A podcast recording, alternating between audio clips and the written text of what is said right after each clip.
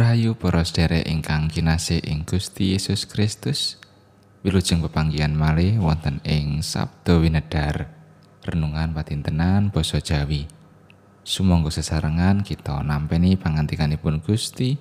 Monggo kita ndedonga. Gusti Allah Rama kawula ing swarga mulya saha langgeng.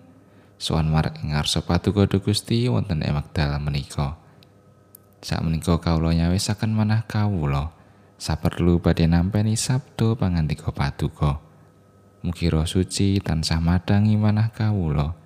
Paring kesagetan anginipun kawula nampeni mangertosi lan nindakaken dawuh paduka.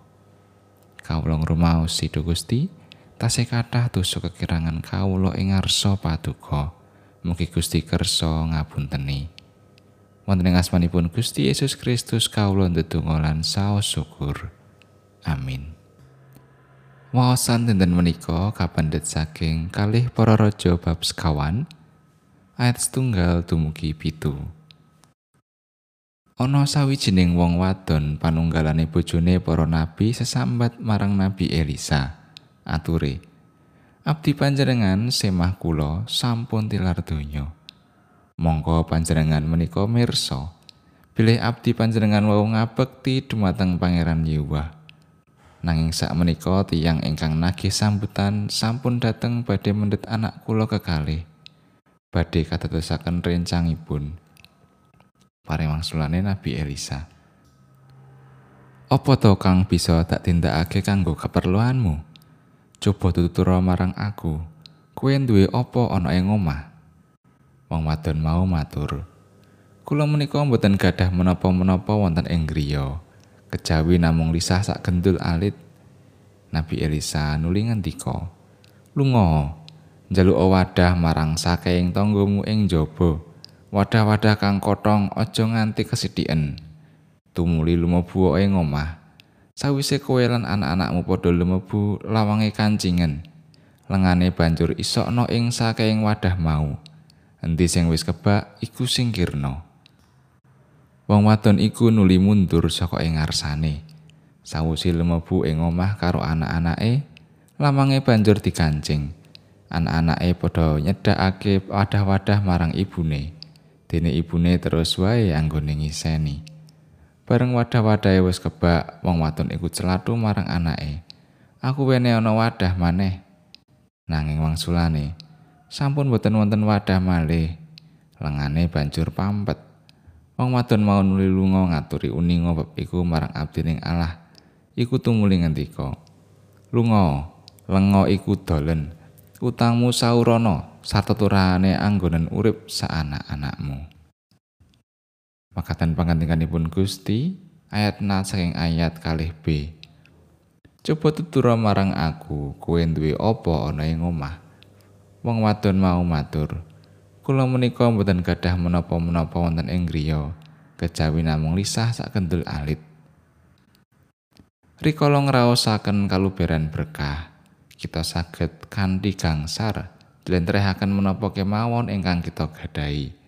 TV, HP, radio, kulkas, mesin cuci. Kosok wangsulipun rikala mboten kadurungan rezeki. Dipun tangleti apa sing dipun gadahi, raosipun mesti abot. Awel lah sawek mboten gadah menapa-menapa kok ditangleti? Badhe nyuwun menapa dhateng tiang mboten gadah? Mbok lajeng maringi mawon mboten sisa kathah pitakenan. Niat nulung menapa mboten? Tiang nembe sisah menika angel menggalih. Gampil duka kemrungsung mboten wening lan kebak bawa pitakenan Nabi Elisa menika kagem dadar awit Nabi Elisa tentu sampun mirsa. Dadar bab bloko suto manah ingkang ikhlas. Menawi nabi ngersake monggo lah sampun boten gadah menapa-menapa. Lan sumanggem dumateng kersanipun Gusti Allah lumantar Nabi Elisa. Mbok rondo mboten gadah menapa-menapa kecawi lisah sak kentul alit. Mangkaten ugi kita ugi mesti gadah senajan namung sekedhik namung gadah tenaga upaminipun pun cobi dipun penggalih. Menawi kita mboten gadah menapa-menapa, Gusti Allah menapa tegel. Kita mboten ngurmati ingkang paring berkah. Menawi rumaos babar pisan boten gadah menapa-menapa. Menapa mawon ingkang wonten sanajan namung lulus SD menika minangka berkah. Purun obah menapa mboten? Ora obah ora mamah. Mbok rondo menika ugi obah nyambut gendul tanggane. Obah sing penting kalal. Tentu obah menika sinartan berkahing Allah. Sanajan boten mangertos kados pundi lan saking pundi. Kegambaran kedah kekancingan lawange lan ngesok lengo tanpa mangerti sumbering lengo ingkang tanpa pedhot saking pundi. Namung saat derma titah nyambut damel nindakaken kersaning Gusti lan pitados ing berkahipun. Menika pitados kita ingkang makarya lumantar pitulunganipun Roh Suci. Amin.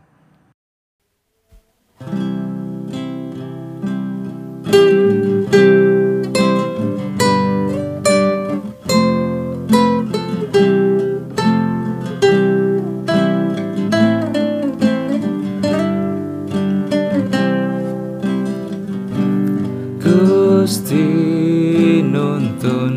lampah kula saklang kenggen kula bejo.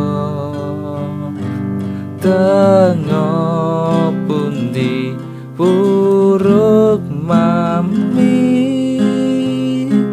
tansah